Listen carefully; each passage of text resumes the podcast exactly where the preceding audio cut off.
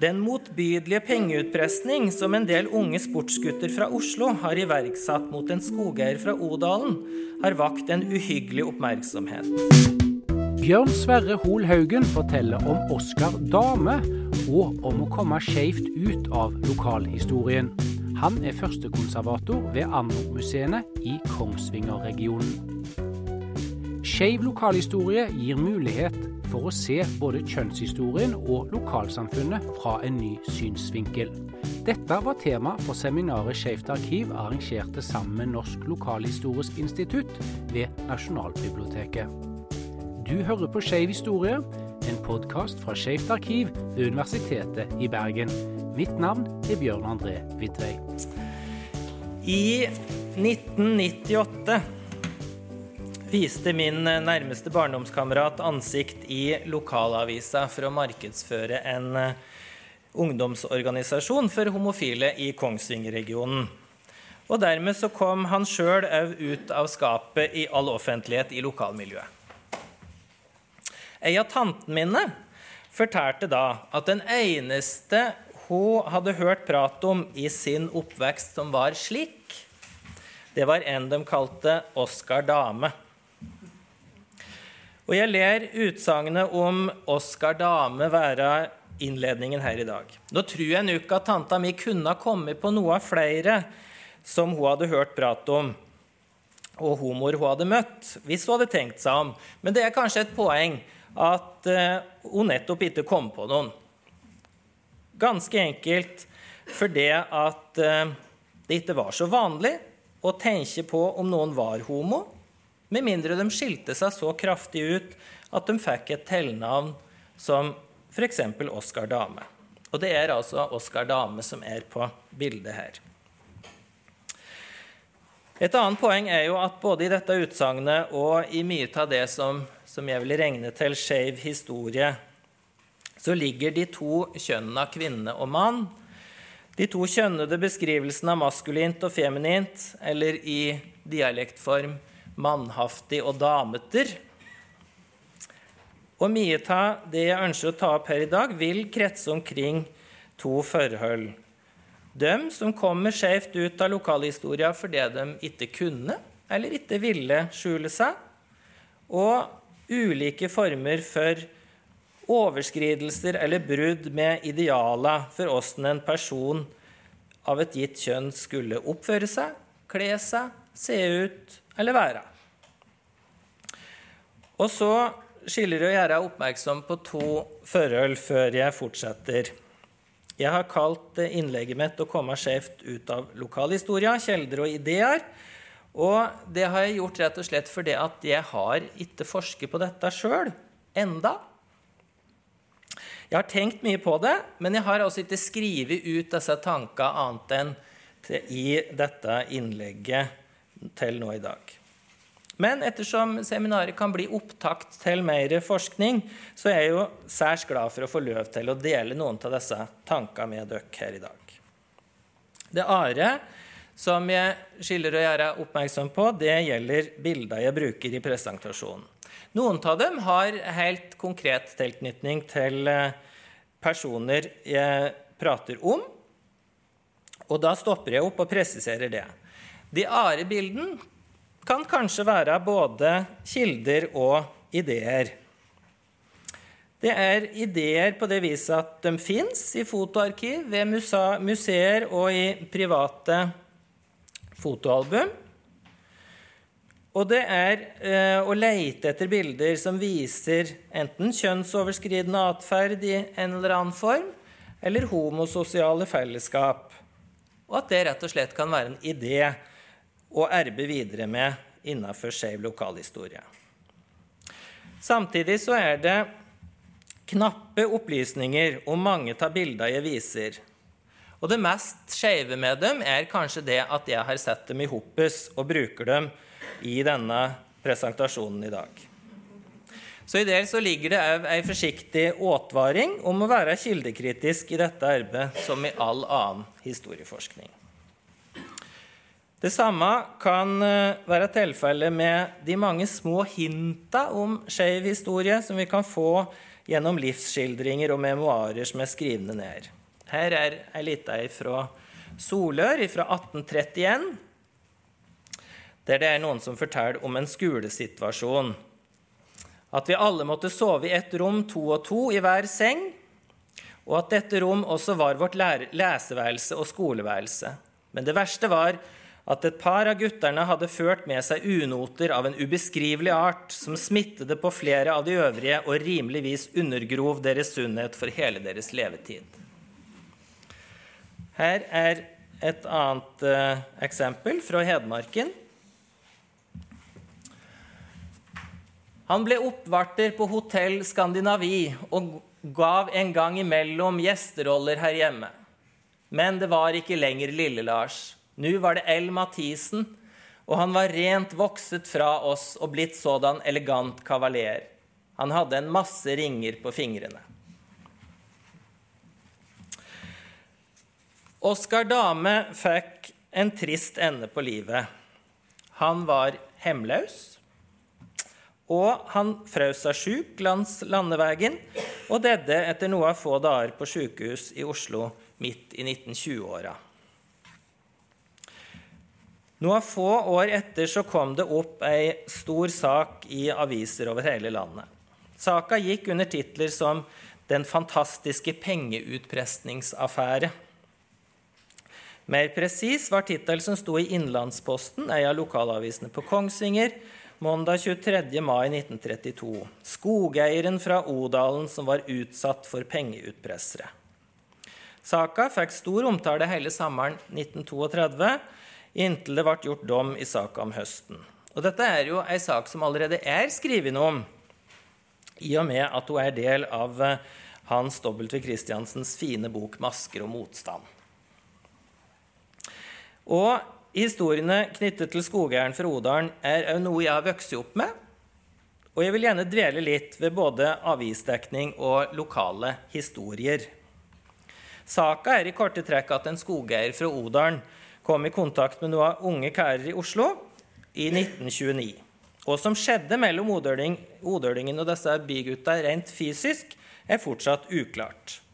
Det som er sikkert, er at bykæra fikk et tak på skogeieren som gjorde at de eh, kunne presse den for penger.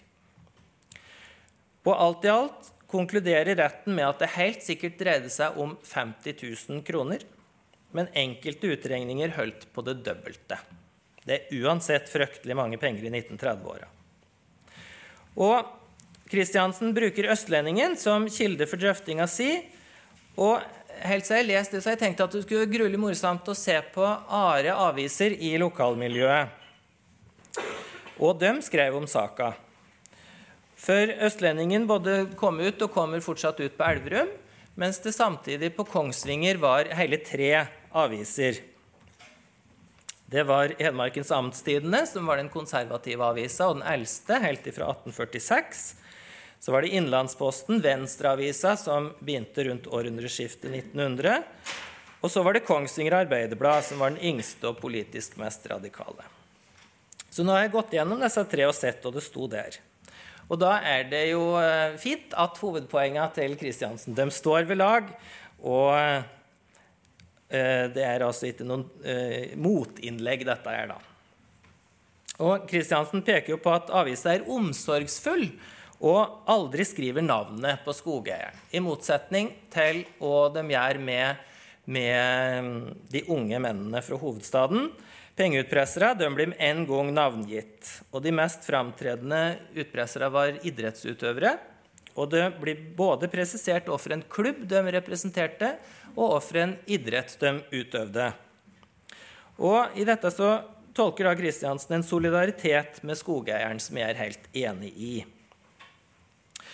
Samtidig så ser jeg jo i lokalavisen at eh, det er ikke slik at de eh, tok så mye hensyn til, eh, til individets eh, fred i andre sammenhenger. For helt parallelt så, så var det en i eh, samme bygda, tett ved han, som eh, tok livet av far sin akkurat samtidig.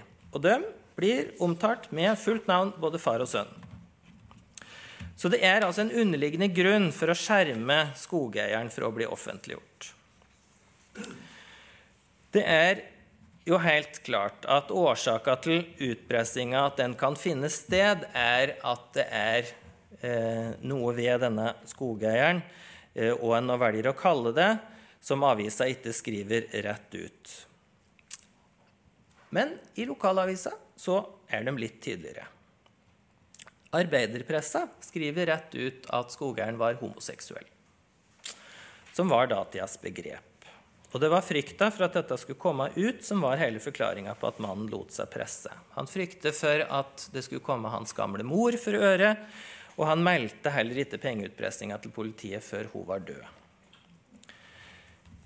Og da siterer jeg så vidt der fra Kongsvinger Arbeiderblad. Skogeieren, som er fra Odal og har homoseksuelle tilbøyeligheter, kom da han var i Oslo, i forbindelse med to unge herrer som på en ganske smart måte har utnyttet hans svakhet. Og når en ser dette utsagnet sammen med, med, mm, det at avisa skjermer skogeierens navn, så, så, står altså disse argumentene ved lag. Og i tillegg så kom Hedmarkens Amtstidende med en, en selvstendig vurdering av situasjonen. For ellers så virker det som at mye av det som gjengis i lokalavisene, er hentet fra rikspressen. Jeg siterer fra Hedmarkens Amtstidende 23. mai 1932. Den motbydelige pengeutpressning som en del unge sportsgutter fra Oslo har iverksatt mot en skogeier fra Odalen, har vakt en uhyggelig oppmerksomhet. Skogeierens abnorme seksuelle tilbøyeligheter er der ingen som legger vekt på. Der er dessverre ikke få ulykkelige mennesker i vår tid som lider under sådanne, og som i enhver annen henseende er fullt normale mennesker og nyter fortjent aktelse og anseelse overalt. Det er altså ingen som beskylder skogeieren for lovbrudd. Og sjøl om nevninga er abnorme seksuelle tilbøyeligheter, så mener jeg det er verdt å legge merke til at redaksjonen mener denne sida av personen ikke må stå i veien for å akte og æren i alle are sammenhenger. Og det var mer enn jeg torde håpe på å finne i lokalavisa. Men tross denne aksepten fra avisene så gikk det ikke så godt med skogeier H, som han blir kalt under rettsreferatet. I tillegg til at han ble ruinert, brøt han sammen mentalt og la seg sjøl inn på nervesanatorium. Han ble kjent umyndig, og bror hans styrte eiendommen for han. Og elleve år etter at saka kom opp, så tok han sitt eget liv. Om det var denne saka eller en sammensetning av flere rare forhold som gjorde at den valgte den utveien, det vet jeg jo ikke. Kanskje spilte bygdesladderen òg ei rolle. I alle fall var det noe han uroet seg for, som òg kom fram i avisene om høsten. De refererte derfor et brev som skogeieren sendte til hovedgjerningsmannen. Igjen har du telegrafert, Carl, dette som du har lovet ikke å gjøre. Du må vite hvert ord blir diskutert i alle hus i bygden, da alt er så gjennomsiktig her. Og jeg er jo ikke et sekund i tvil om at skogeieren hadde rett i dette. For så lenge levde dette på folkemunne at jeg fikk det overlevert i min egen ungdomstid i 1980-åra. Og Det interessante i denne sammenhengen er kanskje åssen bygdesladderen i løpet av tida som hadde gått, hadde fått ny form. Nå var disse historiene spunnet i med eldre myter og trusforestillinger. Nå var skogeieren sjøl blitt en gjerningsmann som lurte unge menn til seg og misbrukte dem. Han hadde på denne tida egen sjåfør, og i disse historiene så måtte sjåføren hente gutta på stasjonen og kjørte dem til gards. Og i rommet der han tok livet sitt, skulle han gå att, så ingen noen gang kunne få ro i den senga som sto der. Og denne typen kilder, som har gått fra å være bygdesladder til å bli myter knyttet til trusforestillinger om gjerningsmenn og attergangere, det har jo folkloristene erbe lenge med. Og I slike sammenhenger syns jeg det er særs viktig å gå varsomt fram Kanskje er det utviklinga fra historie til myte som er det mest interessante med en slik kilde. Forma på fortellinga og åssen hun utvikler seg, blir kanskje mer interessant enn innholdet. Men samtidig så må jo muntlige kilder være noen av de viktige vi kan bruke når det gjelder skeiv historie. For i juridiske dokumenter så vel som i avisene så er det jo nesten bare saker knyttet til, til lovbrudd som kommer fram. Når det gjelder juridiske kilder, så er det kanskje òg sparsommelig med informasjon å hente. Roar Lishaugen, som jo er her i dag, min gode kamerat som jeg nevnte innledningsvis, har lest i mange av de eldste tingbøkene for flere områder i Hedmark, og rett nok på jakt etter helt andre type opplysninger. Men han forsikrer meg om at det ikke er noe å finne om likekjønnet seksualitet der i det hele tatt. Så i den kilda er det altså fraværet en kan tolke noe ut av. Jeg kommer litt tilbake til noen muntlige kilder mot slutten. Men nå vil jeg flytte meg fra Odalen til Grimstad og Agder. Tidsbildet er fortsatt omkring 1930.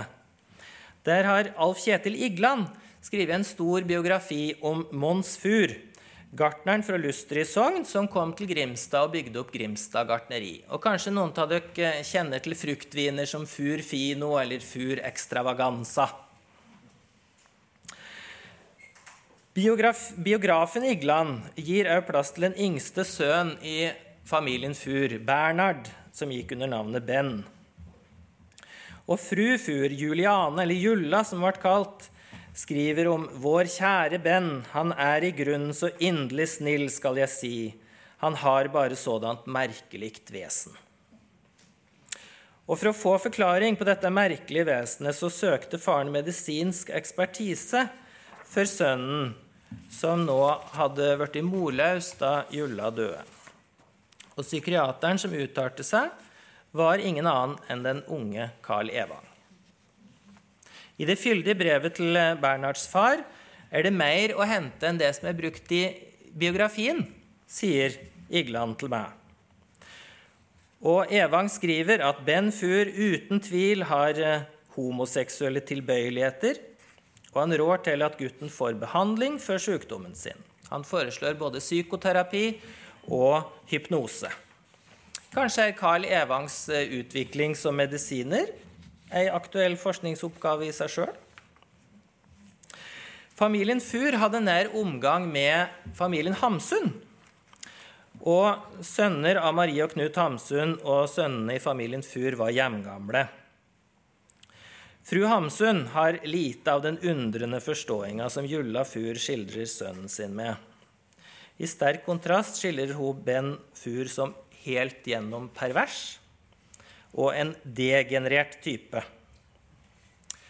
Men så blir det da desto mer interessant åssen herr Hamsun skildrer den ulykkelige Ben etter at han tok livet sitt i 1933. Og under Iglands mesterlige biografpenn så blir den store dikteren òg kilde for skeiv historie. Jeg koster på meg å lese et lite utdrag fra boka som heter 'Brukseieren'. Slik endte Bernhard Furs korte liv. I årene som fulgte, er det ikke mulig å se spor av ham i farens korrespondanse eller alle andre skrifter. Han kunne ikke snakkes om, erindret Per Assev. Diagnosen hans var forbundet med skam. Slik gled han ut av familiens videre tilværelse. I gartneriets arkiv er det få spor fra hans liv, bare noen fotografier og konfirmasjonstelegrammene pent bundet inn. Det var hans søster Margit Assev som sørget for det, husket sønnen Per. Men én person skulle risse ham noen vare og varige minneord. De tåler å bli lest i ettertid. Det var nobelprisvinneren på Nørholm som grep til pennen. Sjur og Ben var venner av Hamsuns sønner Tore og Arild. De fire var noenlunde jevngamle, Ben og Tore født samme år. I brevene fra Julla Fur til sønnen Sjur da han studerte utenlands, nevner hun flere ganger at Ben er invitert til Nørholm. Da lysluggen Ben har besøkt Hamsunsønnene på Nørholm, har dikterens skarpe observasjonsevne ant en legning hans tid og forfatterskap ikke hadde mye til overs for. Nå var det ikke lenger snakk om litteratur, men et menneske han hadde kjent. Knut Hamsuns to strofer står som et vakkert epitaf over Bernhard Furs korte og vanskelige liv. Og jeg leser diktet 'Ben Fur død'. Jeg minnes deg som den lyse gutt, forskjellig fra alle i laget. Du bar den skjebne ditt liv ble budt, ble hårdere prøvet og pint og brutt enn vi andre i bærerfaget. Nu vinket en mor i den åpne grind deg bort fra all verdens lede. Vi minnes deg med ditt guttesinn og ser deg fred i døden inn fra oss andre som ble her nede. Og så fortsetter Igland noen linjer til. Disse linjene sammenfatter livet og døden til en ung mann som fikk den tunge skjebne å bære en seksuell legning som samtiden ikke forsto, men både dømte og fordømte. Søsteren Margit ordnet særtrykk av diktet på godt papir. Det lå mange av dem i gartneriets arkiv, tause og skjulte tegn på en families sorg. Det var for vanskelig å snakke mer om yngstemann, kanskje særlig for faren, og moren var død. Mons Fur led to store tap på kort tid. Tausheten la seg over Bernhard Furs minne. Det er altså på de mest uventede steller en kan finne kilder til skeiv historie. Og det skjønnlitterære går godt i hop med det faglitterære. Ei slik uventa kilde kom òg til oss ved Anno museum i Kongsvinger-regionen da vi arbeidet med spanskesjuken så la meg få introdusere Ruth. Hun mistet mor si under spansken og ble plassert i fosterhjem. Der fant hun seg dårlig til rette, og broderi og husstell var ikke mellom de aktiviteter hun likte. I sin egen vesle sjølbiografi skriver hun så sant jeg så meg en anledning, snek jeg meg ut og var med kara på jordet. Lærte tidlig å kjøre hest, det var det likeste jeg visste. På bildet er Ruth i den store fosterfamilien sin som lita jente. Men sammen med den vesle sjølbiografien så fikk vi òg låne noen bilder og to skrivebøker med dikt som Ruth hadde skrevet, datert til 1930-åra.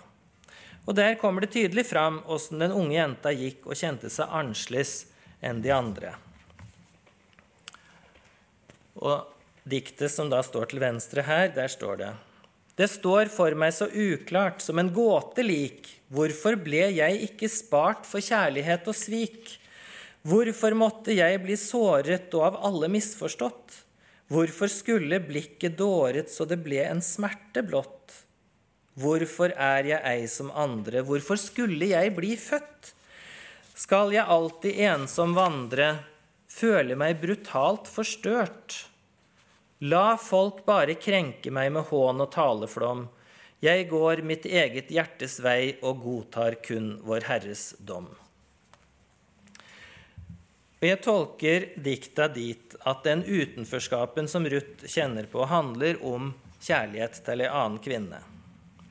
Og i diktet med tittelen 'Til Oddlaug' står det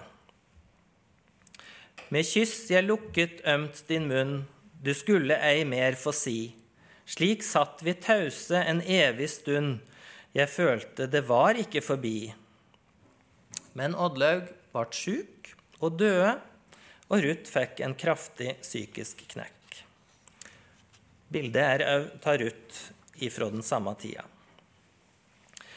Siste strofe i diktet forteller om den smerta hun sitter att med. Forlatt tilbake jeg sitter nu, all drøm, og all min drøm er forsvunnet.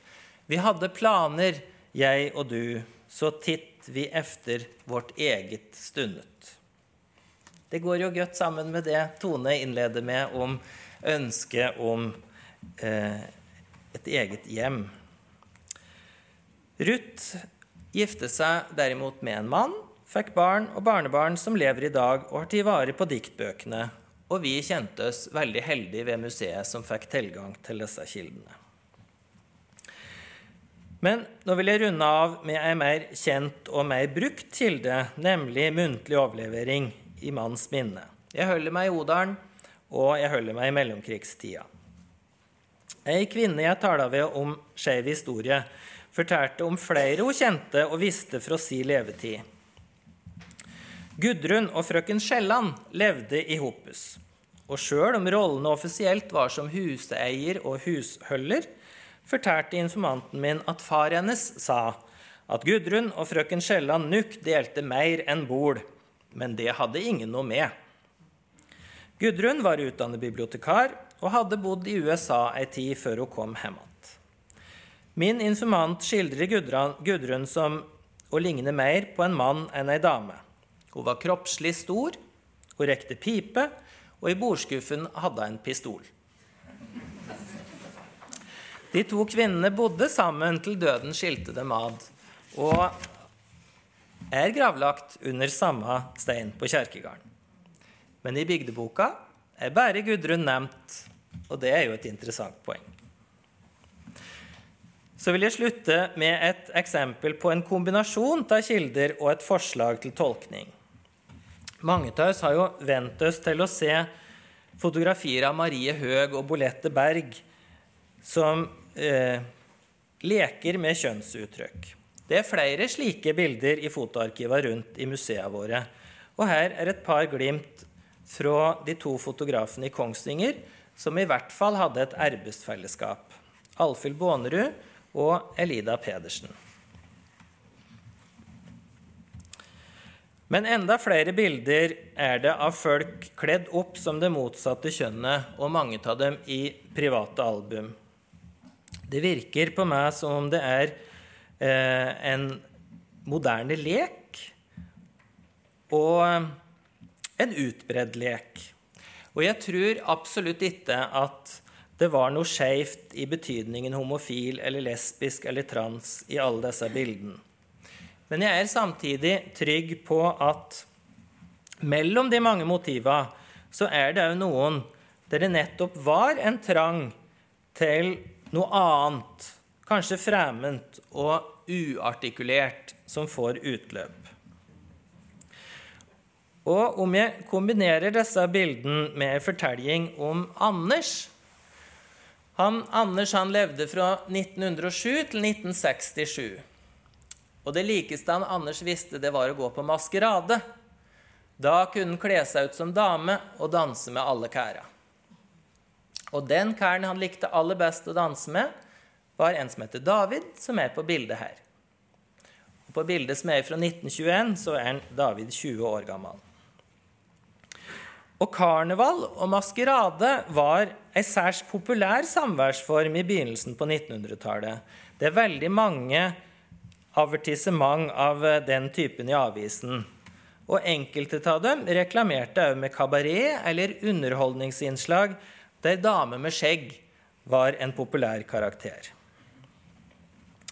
Han som fortalte meg om Anders, han regnet det for visst at Anders var skeiv i betydningen homofil fra våre dagers terminologi, sjøl om disse orda aldri ble brukt.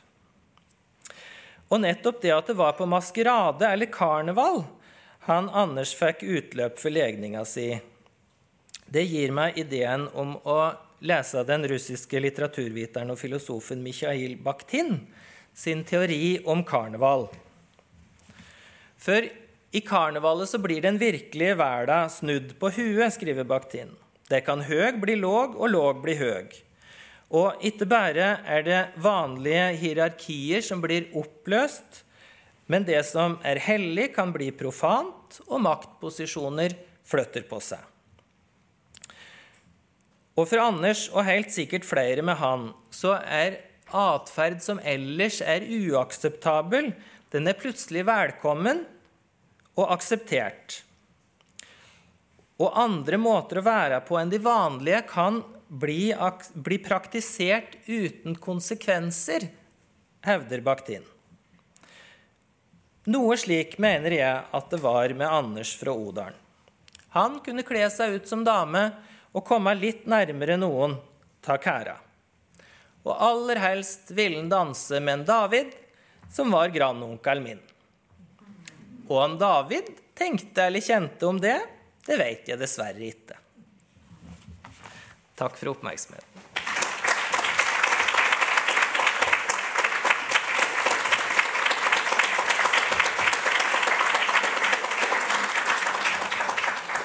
Takk for et veldig fint foredrag. Og det passa jo veldig bra at du slutter med karneval på selveste halloween. Eh, så da har vi tid til noen spørsmål igjen. Hallo. Det var bare én ting jeg lurte på. Det var i forhold til dette med begrav, altså begravelser. Og Jeg vet ikke om det er skrevet noe om, eller om noen har forska på det eller sett på det. Men hvordan reagerte kirka? Hvordan var disse begravelsene der man skulle da anta, altså begrave den siste av disse partnerne? Ble dette nevnt? Var dette en ting som ble tatt opp? Det, kunne man i kirka f.eks. si at nå skal hun se igjen sin kjære venninne sånn og sånn og sånn? Eller var dette noe som bare ble ignorert, og så gikk man videre? Vet du noe om dette? Det vet jeg dessverre ingenting om, men jeg syns jo det er et uh, godt innspill til noe som uh, Fordi at en del av dem som da levde et langt liv sammen, uh, og, og er den siste da døde såpass sent at vi fortsatt har mulighet for å, å spørre om det, så, så kan jo det være egentlig et innspill til noe som som kan være en innfallsvinkel. Men jeg, jeg veit ikke åssen det ble taklet. Kanskje andre har, har, noe mer erfaring med det.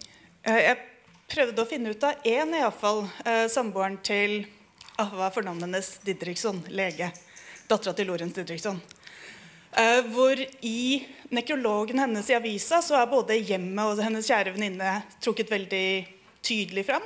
Men jeg prøvde å finne ut hvordan det gikk med samboeren hennes uh, etter at Wergeland døde, så ser det ut til å ha forsvunnet helt ut og er ikke oppført med verken dødsannonse eller nærmeste pårørende. Men det er bare én person. da. Er det noen flere spørsmål? Eh, det er mer en kommentar for å peke på en parallell mellom det du snakker om nå, og på, på det nasjonale nivå, som egentlig ikke er temaet, men det er jo alltid spennende å se det lokale i sammenheng med det nasjonale. Jeg skrev en artikkel i, publisert i Norsk Mediehistorisk Tidsskrift hvor jeg har sett på fremstillingen i riksavisene av den homofile mannen i begynnelsen av 1950-årene. Og det, det, Jeg tok den perioden, for der var man ekstremt opptatt av den svenske homofile. Og jeg ser vel en parallell, for Det du snakker om er at det er to ekskluderingsmekanismer. Den ene er er du homofil eller heterofil. Og den andre er er du fra bygda, eller er du innafor geografisk samfunnet eller ikke. Og Det er veldig spennende det du snakker om. At, eh, og Hans-Viggo har jo vært inne på det veldig tydelig i sin bok. Um, hvordan det overstyres. da Altså den uh, inkluderingsmekanismen. At tross at han um, skogeieren er fra området, som er kanskje en rimelig tanke, er noe, en av grunnene til de behandler ham pent. Men det samme ser du på nasjonalt nivå, fordi at de skiller mellom to homofile i riksavisene på 1950-tallet. og Det er den norske homofile, som stort sett er et uskyldig offer for utpressing av eh, veldig tvilsomme unge menn. Uh, som, som, åpenbart er heterofile, men de blir skurkene i fortellingen. Mens derimot den svenske homofile Han går rundt og forfører ungdommen uhemmet og fører dem inn i prostitusjon og homofili. Så Det er bare samme mekanismen, kanskje. Så Det er egentlig en sånn interessant mekanisme i bakhodet. Hvordan ulike inkluderings inkluderingsmekanismer er i kamp. da Tusen takk for fantastisk eh, flott presentasjon. Veldig veldig spennende. Og jeg synes også det spørsmålet om om nekrologer og omtale i begravelser. og sånn er veldig veldig spennende hvis vi kunne fått noe forskning på det. I Sverige så har Ingeborg Svensson skrevet en bok om eh, homsebegravelser i forbindelse med aids. Eh, og problematisert den. Og, og, der var det veldig mange vanskelige og vonde begravelser i forhold til familie og kjæreste osv. Men det som du peker på du, altså, Dette kan jo ha forandret seg veldig opp gjennom tidene. Og det kan ha vært ulikt for kjønn.